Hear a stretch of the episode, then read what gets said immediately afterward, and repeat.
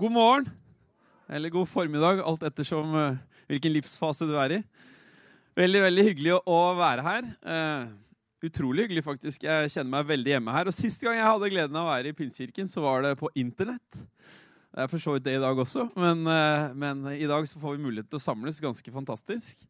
Og ser ut som det kommer litt folk i dag, Morten, så det er fantastisk. Det er Alle pastorer er alltid like spent på hver eneste søndag, du vet. Så veldig, veldig bra. Eh, jeg heter David, og for deg som ikke vet hvem jeg er, så, heter, så har jeg en kone som heter Jenny. Eh, og jeg har rukket å få to barn sammen med henne. Veldig fornøyd med det. Eh, vi har en sønn som heter Louis, og han er og spiller fotballkamp og, og skårer mange mål akkurat nå. Så det er bra. Og så har jeg en liten datter som heter, heter Bell, som er, er, prinsessa i familien. Så det er veldig, veldig hyggelig.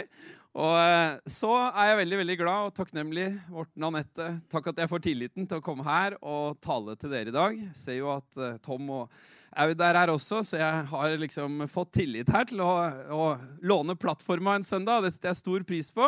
Og Derfor så er jeg glad for at du er her, og jeg er glad for alle som eventuelt ser på hjemmefra. Og jeg har eh, et ord som jeg har lyst til å dele med dere i dag. Og eh, ja, Du kan kanskje inne på noe. Jeg har lyst til å undervise litt i dag. Så jeg håper du er klar. Eh, er du åpen for å bli litt undervist i Guds ord i dag? Det høres veldig bra ut. Eh, jeg har lyst til å gi deg litt kontekst før jeg skal lese en, en bibeltekst her. Og I dag så har jeg lyst til å snakke om en ny begynnelse. Si en ny begynnelse. Jeg har lyst til å snakke om en ny begynnelse, og vi skal lese en tekst fra Salmene. og for deg som er litt belest i Bibelen, så har du oppdaga at de aller fleste, eller i hvert fall brorparten av salmene, er skrevet av David. Så jeg har noe å slekte på der. Og eh, han er jo en eh, kreativ sjel. Eh, en eh, type med et stort følelsesregister, og som ikke er redd for å sette ord på det. Jeg vet ikke om dere har lagt merke til det. Men eh, salmene er brutalt ærlige og veldig, veldig Sånn er livet akkurat nå for David. Og David er jo kjent som en av de mest kjente kongene i Israels historie. En viktig skikkelse i den kristne troen. Men for deg som er litt belest, så vil du også oppdage i reisen til David at han hadde noen smeller. Han hadde noen skikkelige nederlag. og når vi skal lese salmene, en av salmene hans i dag, så kommer vi inn i en salme som er skrevet i sammenheng med at han har virkelig gått på en smell. Og eh, Det som jo er en kjent historie for mange, eh, og hvis det ikke er det, så skal jeg dele med deg nå, så er det slik at David er konge, og han har eh, rett til å styre sine folk i krig. Og han plasserer en mann som heter Uria, i front i en, i en kamp. Og med intensjon om at han skal miste sitt liv. Og mens Uria er ute i krig, så er David hjemme. Og han legger sitt blikk på Batseba, som eh, til og med Leonard Cohen synger om i sin Halleluja. Og han er utro med henne og gjør henne med barn til og med. Og Jeg vet ikke hva som egentlig skjer med David, men det virker som han tror kanskje at dette er bare noe som han vet, og ingen andre som har oppdaget. Men så sender Gud en profet til eh, David, en som heter Nathan. Og Nathan han eh, konfronterer David med det som har skjedd. Og Det er akkurat som at uh, det går opp for David, akkurat som liksom gardinene åpner seg. Han forstår hva han har gjort. Og i sin fortvilelse så skriver David en uh, salme som i dag er kjent som Salme 51. Og han skriver eh, på norsk først skal vi lese Ta bort min synd med isop, så jeg blir ren. Vask meg, så jeg blir hvitere enn snø, står det i vers 9. Og så kommer bønnen i vers 12, der David sier, Skap, Gud, skap i meg et rent hjerte. Gi meg en ny og stødig ånd. I The Message-utgaven av Bibelen, en engelsk oversettelse, en paraphrase av Bibelen, så står det de samme versene Soak me in your laundry, and I'll, I'll come out clean. Scrub me, and I'll have a snow white life. Tune me into foot tapping songs. Set these once broken bones to dancing. And don't look too close for my blemishes, but give me a clean bill of health. Og så kommer nøkkelsetningen i det jeg har lyst til å dele med deg i dag. Bønnen. God, make a fresh start in me. Shape a Genesis week from the chaos of my life. God, make a fresh start in me. shape a Genesis week from the chaos of my life. Jeg kommer litt mer tilbake til hva er Genesis week? Jo, en begynnelsesuke, og vi skal se litt på det. Ikke det eneste stedet i Bibelen som det står om nye begynnelser, dette her. Jeg vil eh, at Hvis du leser Bibelen, vil du oppdage at nye begynnelser er et ganske gjennomgående tema i Guds ord. og Et av de andre ganske kjente bibelversene rundt dette det er et bibelvers som er i 2. Korinterbrev, kapittel 5 og vers 17, der Paulus skriver at dersom noen er i Kristus, da er han en ny skapning. Det gamle er forbi. Se, alt er blitt nytt. I The Message her så står det Now we look inside and what we see is that anyone united with the Messiah gets a fresh start. Er det noen som trenger en fresh start? Is created new. The all life is gone, and a new life burgeons. Det gjelder den første gangen når mennesker kommer til tro og tar imot Hans nåde for første gang. Men for deg som har trodd på Gud ganske lenge, så er jeg glad for å oppmuntre deg å si at han er en ekspert på nye begynnelser, og han gjør det igjen og igjen og igjen. Skal vi be? Takk, Jesus, for denne muligheten til å si noe ut ifra ditt ord. Jeg har ikke kommet til Pinsekirka i Bærum i dag for å bare dele noen tanker, men jeg har bedt denne morgenen om at det skal få lov å bli noe mer. Og Jesus, jeg takker deg for at du er en Gud som er stor nok til å kjenne hele verden, men du også snakker personlig til hver enkelt en her i dag, og forhåpentligvis også som en oppmuntring til Pinsekirka i Bærum. Så jeg ber om din hjelp til å si det som du hadde tenkt, Gud, så det blir som du har tenkt. Og hvis du syns det var en OK bønn, så kan du godt si oh yeah. Oh yeah. Er det noen småbarnsforeldre her?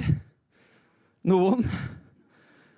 Hvis du er småbarnsforelder eller en gang har vært det, så er det slik at du vil oppdage at en stor del av småbarnsforeldrelivet det handler om rydding. Can I get a witness?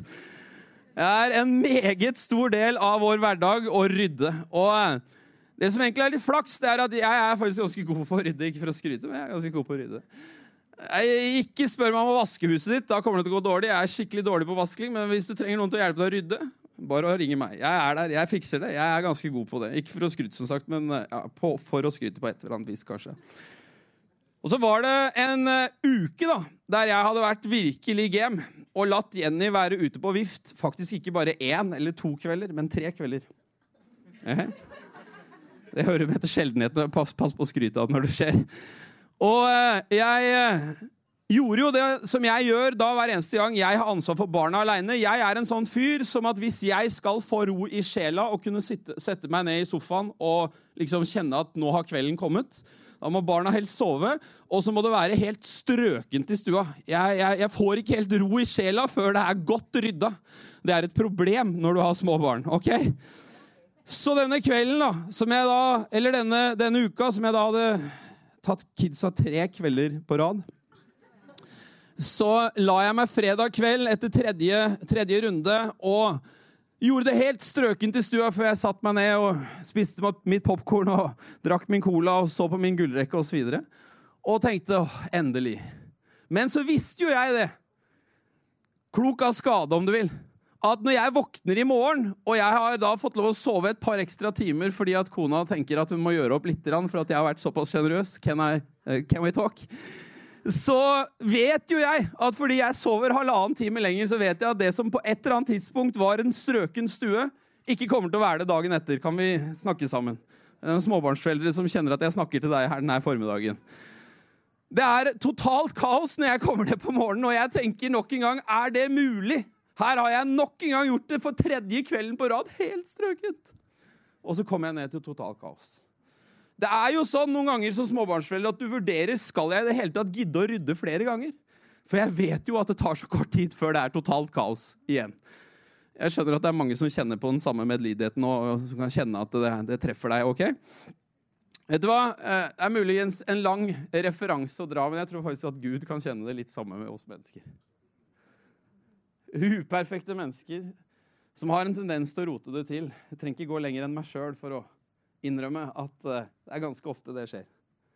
Så kan jeg tenke meg at Gud ser meg komme i min eh, bønn til han og si Wow, nå har jeg messa det til igjen, Gud. Jesus, gi meg en ny begynnelse. Give me a fresh start. Og så hjelper han meg, og så skaper han noe nytt, og så gir meg en ny begynnelse. Men han vet jo det. Og jeg må tenke at Gud må på et eller annet tidspunkt begynne å tenke åh, skal jeg gidde denne gangen? Jeg veit jo det tar ikke lang tid. før det er blitt kaos igjen. Men jeg er her for å si denne morgenen skal vi takke Gud for at han er en ekspert på nåde. At han er en ekspert på nye begynnelser. Han har helt fra første Mosebok vært en gud som har skapt nye ting. Og han er den som ikke bare gjør det én gang, men han kan gjøre det igjen og igjen. Er ikke det bra? Det er derfor David, når han hadde forstått at han hadde rota det til, ropte til Gud, og som det sto i uh, The Message God, shape a Genesis week from the chaos of my life. Gi meg en ny begynnelse. Gi meg en ny start. Jeg veit ikke om du forhåpentligvis kan relatere til den feilen som David hadde gjort. Men jeg er ganske sikker på at du har opplevd på et eller annet vis i livet at det har gått i stykker for deg. Jeg vet ikke om det handler om kanskje ekteskapet, om det handler om relasjoner, om det handler om helse, om det handler om et selvbilde som på et eller annet tidspunkt var veldig, veldig bra men som fikk seg en smell, og som gjorde at du igjen og igjen begynner å kjenne behovet for å be til Gud og si Skap i meg et nytt hjerte. Gi meg en stødig ånd igjen, Gud. Jeg kjenner meg shaky. Gi meg en fresh start. Jeg håper at du kan få bli oppmuntra av det jeg har lyst til å dele med deg i dag. Genesis Week er jo sånn at Første Mosbok på engelsk heter jo Genesis. og Det betyr jo begynnelse.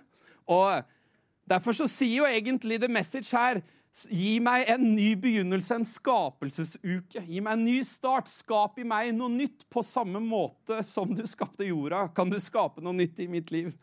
Og jeg tenkte, Apropos litt bibelundervisning her i dag, at vi skulle se på noen kjennetegn på hva som skjer når Gud skaper noe nytt. Og Vi kan se faktisk i første Mosebok i kapittel 1, når Gud skaper jorda, at mange av de samme tingene han gjorde når han skapte jorda, det er kjennetegn som jeg gjenkjenner at han også gjør når han skaper noe nytt i våre liv. Og Hvis du har noe å skrive på, så kan du få lov å ta det fram nå. for Vi skal snakke om hva kjennetegnes. Hva er kjennetegnene på at Gud skaper en ny begynnelse? Hva er kjennetegnene på at Gud skaper en ny begynnelse? Er du med meg i dag? Klar for det? Så bra. Nummer én, det starter med at Gud sier 'bli lys'. Si 'bli lys'. Fantastisk. I Guds ord så fantes det kraft, å, kraft til å skille mørket. Eh, fra, til, å gjøre mørk til lys. Og det står i 1. Mosebok kapittel 1 og vers 2-3.: Og jorden var øde og tom. Og det var mørke over det store lys, og Guds ånd svevet over vannene. Og Gud sa Vi prøver en til, og Gud sa Han sa 'bli lys', og det ble lys. Starten er at lyset ble tent. På den samme måte når Gud starter noe nytt i våre liv, så er det veldig ofte fordi Guds lys skinner på våre omstendigheter. I The Message så står det It was, The earth was a soup of nothingness. Det var et kaos, det var en suppe av ingenting, det var et mørke, men Gud sa 'bli lys'. Får jeg lov å være litt dyp med deg i dag og si at lenge tenkte jo jeg at det der lyset i de første versene i vers 2 og 3, det måtte jo være sola. Det er jo det som er lyset. Men hvis du oppdager litt og leser litt i skapelsesberetningen, så oppdager at sola og månen kommer ikke før på dag 3 og 4. Så hva er da det lyset som snakkes om her? Vel, jeg tror ikke jeg skal leke teolog og slå fast hva det er, men på grunnteksten så er det ordet fos. Si fos. P-h-o-s som er en måte å beskrive Guds herlighet, God's glory. I møte med Guds godhet og herlighet blir det ofte slik at du og jeg kjenner i møte med Hans godhet og hellighet, får vi behov for en ny start. Når David ble konfrontert av Gud på det han faktisk hadde gjort, så ble det åpenbart, det som han hadde i det skjulte. Og heldigvis, i stedet for å løpe fra Gud, løp David til Gud og sa, 'Skap i meg et nytt hjerte'. Shape a Genesis week from the chaos of my life. Gi meg en ny begynnelse. Jeg vet at når jeg har behov for en ny start, er det veldig ofte når jeg er i møte med Gud og kjenner at i møte med Hans godhet, Hans hellighet, så kjenner jeg Jesus, jeg trenger en ny begynnelse. Flere småbarnsreferanser her. Det, det, er kanskje der jeg er, ikke sant? så derfor så blir det litt av det. Det er når du vasker vinduer, så er det sånn at du et kvarter seinere Oppdager når sola skinner, at barna har vært borte på vinduene igjen. Og det er merker. Og i lys av sola så blir det merkene på vinduene veldig synlig. Sånn er det i møte med Gud. Og i referanse til hans godhet så kjenner vi, som det står i Romerne kapittel 6 og vers 4, at hans godhet den driver oss til omvendelse. Vi har en sang som vi synger eh, eh, Your mercy triumphs over judgment. Og hans nåde den, oss, den driver oss til omvendelse. Jeg tror det at uh, ofte er måten som Gud gir oss nye begynnelser på, det er ved at vi har et møte med Hans lys. Hvert fall. Derfor har jeg opplevd ved flere anledninger jeg står i lovsang eller ber til Gud hjemme. Så er det akkurat som at Gud driver og justerer meg. Kanskje du skal sende en SMS og si unnskyld for det du sa der. Kanskje du skal be den der personen om en ny begynnelse, om en ny start. Er du med meg denne formiddagen? I møte med hans godhet, hans lys, hans fos, så kjenner vi Gud. Shape a Genesis week from the chaos of my life. Gi meg en ny start. All right. Det skjer ved at han sier 'bli lys'. Nummer to. Gud, han gjør det fra ingenting. Han gjør det fra ingenting. Jorda var øde og tom, står det i de første versene her vi leste. Vår, vårt jordiske kaos, vår soup of nothingness, som jeg sa. Det var dødt, men så kom han med sitt liv og skapte nytt liv. På samme måte som han gjorde det når han skapte jorda, på samme måte så kan han gjøre det i ditt og mitt liv. Og det står at Guds ånd svevde over vannene. Når jeg trenger en ny begynnelse, så har jeg lært meg å plassere meg i en atmosfære der Den hellige ånd svever over vannene, om du vil. Når Jenny, min kone, merker at nå er ikke David på verdens beste sted, da har hun ofte en tendens til å finne fram min iPhone og noen headphones. Ta fram de der eh, skoa jeg pleier å gå med i skogen, og den der løpetightsen som jeg ikke går med offentlig. Can we talk? Dytte meg ut døra, for hun vet at hvis David får en halvtime til en time med noe lovsang på ørene aleine med Gud, så har han en tendens til å skape noe nytt i Davids liv. Du skjønner, Det er derfor du skal fortsette å plassere dine unger på PK Kids. Du skjønner, Det er derfor du skal sørge for at kidsa dine går på tenåringssamling her i kirka. Det er derfor du sjøl skal passe på å gjøre det til en fast greie at du plasserer deg i hans hus på søndager, for du trenger like mye som meg å plassere deg et sted der Den hellige ånd får sveve over vannet litt. Det var da Gud skapte, fordi han hadde Den hellige ånd. Han kunne skape der det ikke var noen ting. A soup of nothingness. Så heng med meg her. Jeg er enig i med at Gud han er ikke bare i Folkebadets lokaler på søndager. Han er overalt. Han er der som sagt, når jeg går på denne skogsturen aleine. Men jeg tror det er noe også med å komme sammen. Men sørg for å plassere deg et sted når du trenger en ny begynnelse. Der Den hellige ånd kan få sveve litt over vannet. Der han kan skape fra ingenting. For du og jeg, vi trenger noe for å skape noe. Det kule med Gud er at han har evnet til å skape fra ingenting. Jeg veit ikke hva du ser på i ditt liv akkurat nå og tenker at her er det ingen sjanse. Jeg vet ikke hva du ser på og tenker at her er det en soup of nothingness et kaos, men du kan få lov å plassere deg et sted. Du kan få lov å sette av litt tid neste uke til å være aleine med Gud. Og la han få lov å snakke inn i livet ditt på det området der du opplever at her finnes det akkurat nå ikke noe håp. Men Gud, du er faktisk den som kunne skape ut ifra ingenting. På den samme måten så kan han skape i vårt liv igjen. Jeg vet ikke om du ser på den der tenåringen i din familie som har gjort noen ganske dårlige valg i det siste og du tenker at her finnes det ingen sjanse. Jeg veit ikke om du ser på en omstendighet i dine omgivelser der du har gitt opp og tenkt at her er det ingenting. Jeg er her for å oppmuntre deg og si la han få lov å skape noe nytt fra din soup of nothingness. La han få lov å snakke håp og tro inn i de omstendighetene. Og for å være ærlig så tror jeg en del pastorer kan kjenne litt sånn her etter covid. Nå er jo kirka full her i dag. Men det har vært noen søndager både her og der der pastorene begynner å tenke. Altså jeg, jeg, husker Da vi var små, så pleide vi å leke en sånn lek. Der jeg hadde masse småstein i henda. Og så sa vi 'Så mye hadde jeg'. Så mye ga jeg bort. Og så mye fikk jeg igjen. Jeg vet ikke hvilke omstendigheter i ditt liv der du kjenner at de siste to åra med covid kanskje har gjort akkurat det. og du står igjen med ganske lite greier, vel, kan jeg få lov å enkelt oppmuntre deg og si bring det her ingenting framfor Gud. Your soup of nothingness. Og la han få lov å snakke sin tro over de omstendighetene. Jeg var på en gudstjeneste og talte dette budskapet bare for et par måneder tilbake, i Hønefoss faktisk. og Der satt det et voksen par som hadde en sønn som heter Egil, som er en veldig veldig fin type. Og Han havna i feil gjeng i tenåra. Det så ikke bra ut. Så dårlig ut så det at foreldrene hans sendte han til å bo hos bestemoren sin. fordi at hvis han hadde fortsatt i det miljøet som han var i der, så hadde det ikke nødvendigvis gått så bra. Men eh, Tusen hjertelig takk. Men de ba, og plasserte han hos best, bestemor, som ba. Og hans liv fikk lov å snu. Jeg vet ikke hva du ser på akkurat nå og tenker på. At her er det en soup of nothingness. Jeg er her for å oppmuntre deg og si han er den som kan skape ut ifra ingenting. Er det bra?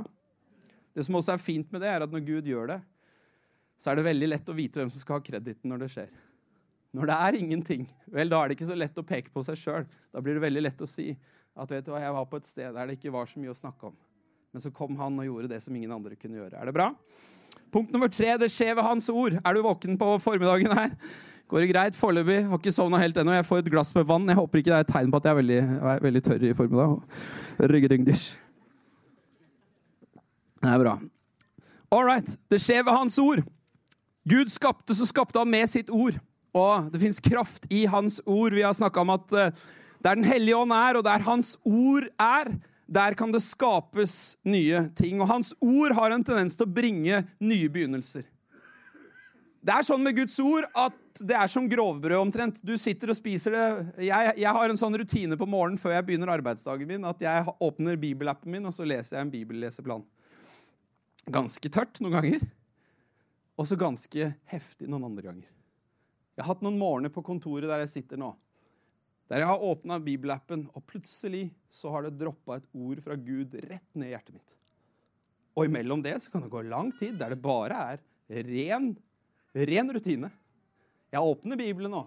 Åpner jeg for han hver dag, men noen ganger så veit jeg at når jeg satt foran den dataen den morgenen, så ble det et før og et etter for meg. Fordi Guds ord kom inn i mitt liv. Enten noe som sto i Bibelen, eller i det øyeblikket jeg åpna meg for Han, så kom det en oppmuntring fra Gud som landa i hjertet mitt og ble en ny begynnelse. Når han skaper nye ting, så er det veldig ofte fordi at han snakker noe inn i ditt liv med sitt ord. Og Bibelen sier at det som er født av Gud, det seirer over verden. Det betyr at Når han taler til deg, så betyr det at noen ganger så ser du ikke det med ditt fysiske øye i det han taler om det, men du kjenner at wow, nå fikk jeg tro. Nå er jeg trygg på at Gud har sett meg, han har en plan for meg, han holder mitt liv i sin hånd. Sånn er Guds ord når han gir oss en ny begynnelse. Jeg var 19-20 år, må jeg ha vært.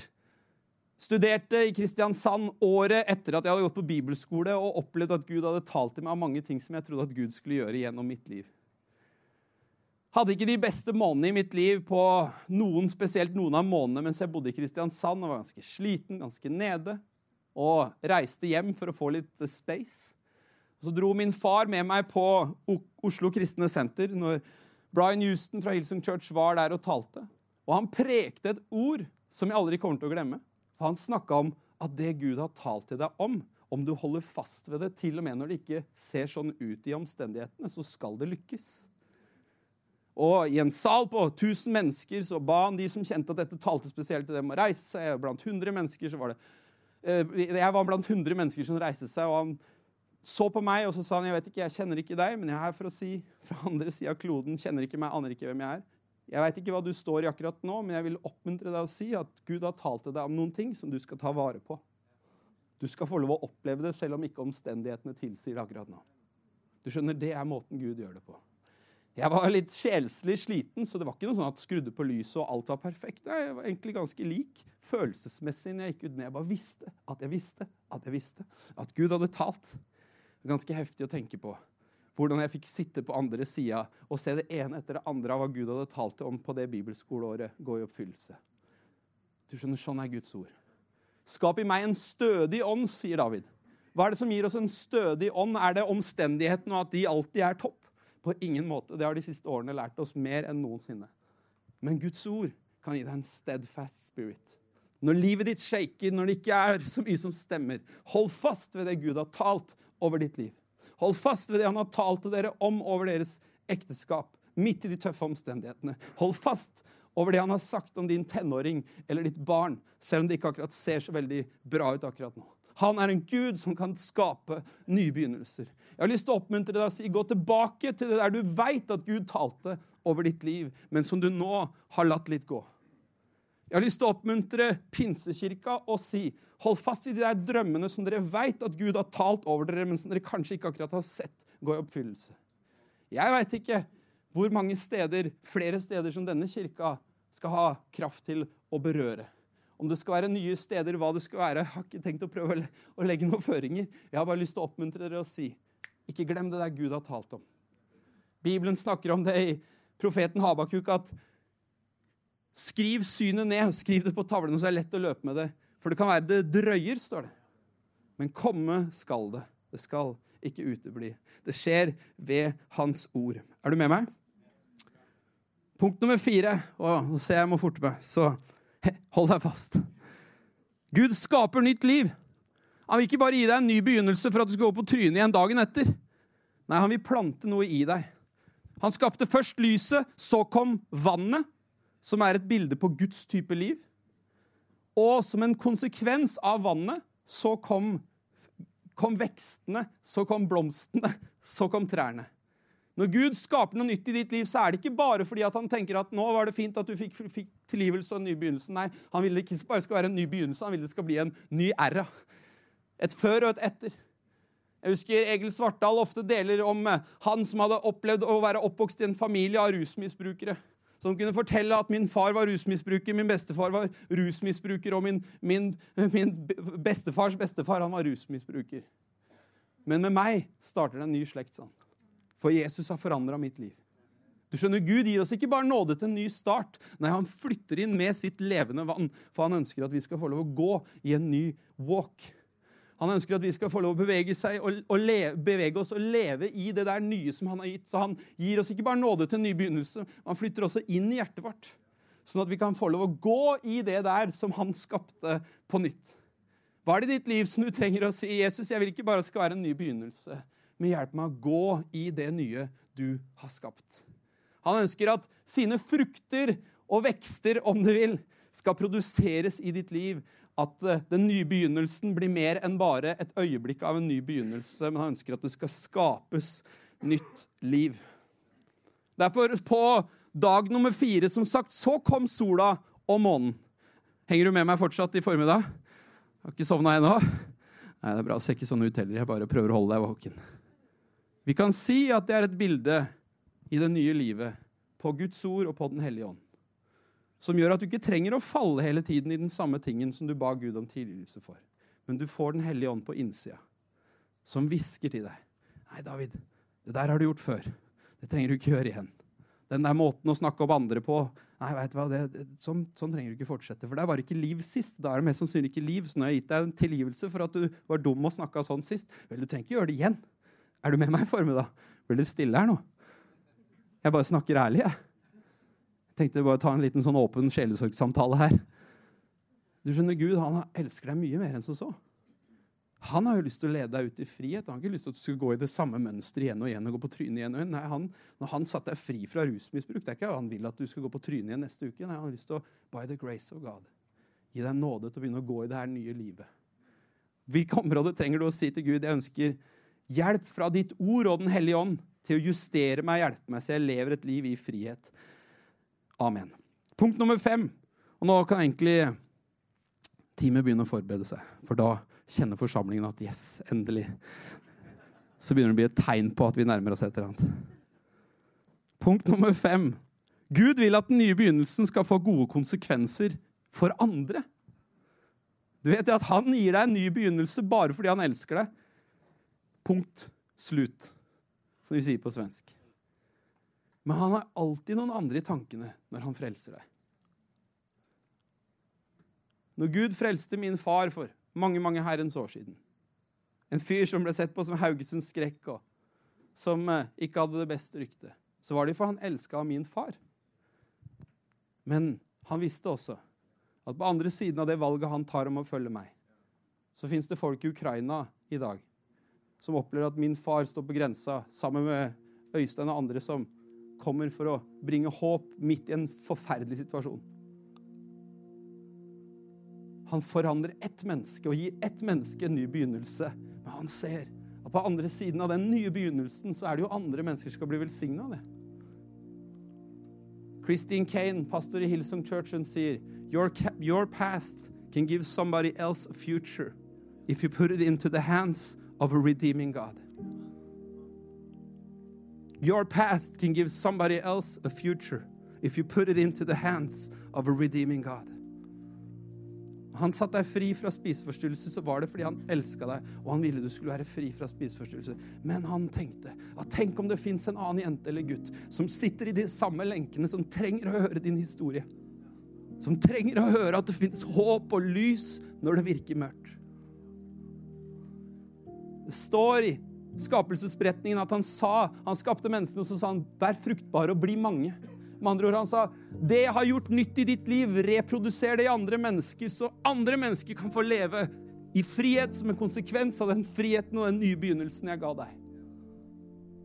Jeg er her for å oppmuntre deg til å vite at Gud han gjorde det bare fordi han elska deg. Han har ikke noe behov, han tenker ikke 'hva skal jeg få brukt denne personen til'? Nei, han elsker deg, men han har store planer for deg. Han vet at hvis du skal kjenne at du lever i et kall og fullt ut i det som han har skapt deg til, så er det så viktig at du sier 'Jesus, her er min historie'. Det som er bra, men jammen også det som er dårlig, som viser hvor stor din nåde er, som ga meg en ny sjanse. Og jeg ber om at det skal få lov å være en velsignelse for flere enn bare meg. Your past can give somebody else a future if you put it into the hands of a redeeming God. Ja, fint at du kan bruke de der, sier du. Men du skjønner det, du kjenner ikke min historie. Jeg kjenner bibelhistorien, hvis vi bare starter der, godt nok til å vite at det er utrolig hva han kan få ut av broken bones. Han kommer med sitt liv og skaper en ny begynnelse. Du aner ikke konsekvensene. At du tør å legge det som har vært bra i din historie, men også det som har vært krevende der du har trengt å si 'Shape a Genesis week from the chaos of my life'. Legg det i hans hender. Han er en som kan gi en ny begynnelse. Han er, han er pottemakeren som fikser den der krukka som er sprukket. Punkt nummer seks. Når Gud gjør noe nytt i ditt liv, så gjør han det også for at du skulle kunne bringe noe nytt inn i det store bildet hans kirke. Jeg har ikke lang tid på dette punktet, men han plasserte Adam og Eva i Edens hage. Edens hage er et profetisk bilde på kirka. Og ut ifra Edens hage så fløyt det fire elver, som er et, for, et, for, eh, et tegn på, et forbilde på hvordan kirka skulle flyte ut til alle fire verdenshjørner. Og fra hans hus skulle det komme velsignelse. Når Gud gjør noe nytt i ditt liv, så sørg for å bringe det inn i et større fellesskap, for aleine så kan du gjøre mye. Men i et fellesskap kan du gjøre så mye mer. Aleine kan du gi en gave til Ukraina i dag. Men sammen med PK så kan du gi en betydelig gave som kan ha stor innflytelse. Sørg for at når Gud gjør noe nytt i ditt liv, plasser det i eden om du vil. Så det kan få lov å flyte ut og ha større ringvirkninger enn hvis du bare bærer på det aleine. Og helt til slutt en, punkt, en preken om skapelsesberetningen må ha syv punkter. Er du med meg? Gud tar oss til side for å skape på nytt igjen. For Gud hvilte på den syvende dag før han gjorde noe nytt.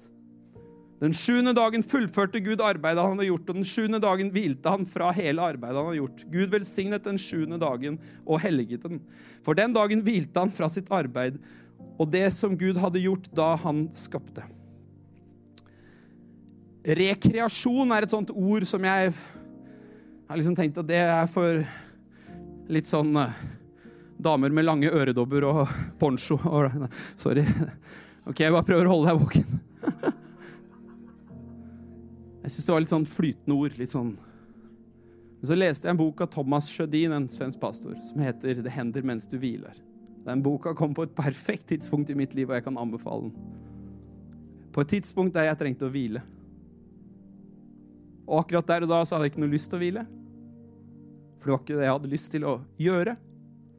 Men så har jeg oppdaga, når jeg ser livet mitt i hindsight, at når det skjer krevende ting, så er det ofte fordi Gud har prøvd kanskje å be meg å steppe til side og be han om en ny sesong lenge, men så har jeg kanskje ikke vært så gira på det.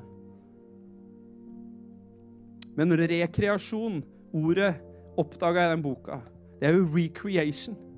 Det er at når Gud har skapt noe nytt, og du har kanskje levd i det over lang tid, og du kanskje begynner å bli familiar med det, så har han noen ganger behov for å ta deg til side og si nå må du hvile litt.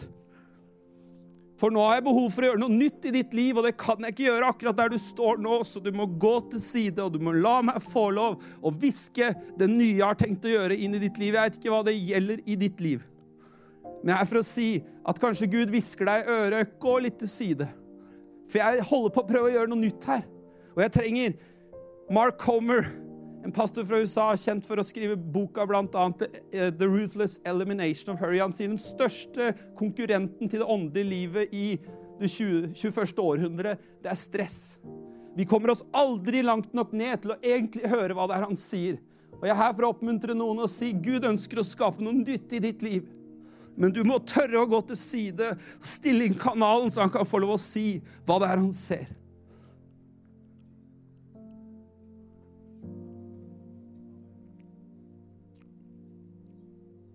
Takk, Jesus. For at denne formiddagen har du gjennom en enkel bibelutlegning noen enkle punkter om at du skaper noe nytt. Fått lov å oppmuntre oss forhåpentligvis. Så ba jeg denne morgenen når jeg gikk bort til inngangsdøra her Far himmelen, hvis du har mer å si enn bare det som står her, så begynn å snakke det inn i folks liv. Åpne deres øyne så de ser. Hva er den nye begynnelsen i mitt liv? Hvilke områder er det du akkurat nå kjenner? Shape Genesis Week from the chaos of my life. Gud, akkurat nå så er det en soup of nothingness. Men på samme måte som du sa 'bli lys', så ber jeg om at lyset tennes i noen menneskers liv her denne formiddagen. Inn i håpløse omstendigheter så takker jeg for at ditt ord kommer og bringer håp og gir en steadfast spirit. Hjelper noen å holde fast ved det som de har kanskje gitt opp. Jesus, jeg takker deg for at du er en Gud av nye begynnelser. Og jeg taler nye begynnelser over mennesker her. Ikke i kraft av hvem jeg er, men i kraft av at jeg tror på en Gud som er den som sier Anyone who is united with the Messiah gets a fresh start. Is created new. A new life burgeons. Så Jesus, jeg takker deg for det nye du gjør. Jeg ber at mennesker skal gå ut herfra og kjenne i dag ble en ny begynnelse, en ny start. I Jesu navn. Mens alle hoder er bøyd og alle øyne er lukket, så har jeg lyst til å spørre er du her i dag som trenger å si David, be for meg spesielt, for jeg trenger en ny begynnelse. Så kan du løfte hånda di nå. Du er kanskje på samme sted som jeg var på OKS for mange herrens år siden. og trenger å oppleve at Gud gir deg en ny begynnelse, så løft hånda di nå. Jeg, ikke, jeg er på overtid, så du må gjøre det nå. Jesus Kristus, takk, Jesus, for at du ser akkurat hva de trenger. Takk, Jesus, at du er en Gud som kjenner hele crowden personlig. Speak, Lord. Blås med din hellige ånd på samme måte som du svevde over vannet. Gjør noe nytt, Jesus. I ditt navn. I ditt navn. Mens alle har fortsatt hodene bøyd og øynene lukket. Hvis du er her i dag som du har hørt meg tale, og du kjenner at jeg veit egentlig ikke hvem Gud er, jeg har aldri tatt imot nåde, jeg har aldri tatt imot Jesus, så gjør jeg aldri en preken uten å gi denne sjansen. Du har kanskje hørt om Jesus, men du har aldri tatt han imot som din frelser. Vel, her er din dag for å få en ny begynnelse. Så Jeg kommer til å telle til tre, og når jeg sier tre, så kan du løfte hånda di hvis du er i en av flere kategorier som kjenner at du trenger å starte på nytt med Jesus i dag, eller du trenger å komme til han for første gang. Jeg sier én at i et rom med såpass mange mennesker så har erfaringa tilsagt at det alltid er noen som trenger å ta en sånn beslutning. Enten å komme tilbake til Gud eller komme til han for første gang. Derfor sier jeg to at det Jesus gjorde på korset, det holder ikke bare for noen få utvalgte, spesielt anlagte. Men det holder for hver eneste en som tør å tro at det du gjorde, Jesus, når du døde på korset for våre synder, det gjelder dem. Derfor når jeg sier tre nå straks, så kan du skyte hånda di i været hvis du sier 'David, be for meg, for jeg trenger å ta imot Jesus i dag'. Jeg trenger å ta imot Hans nåde.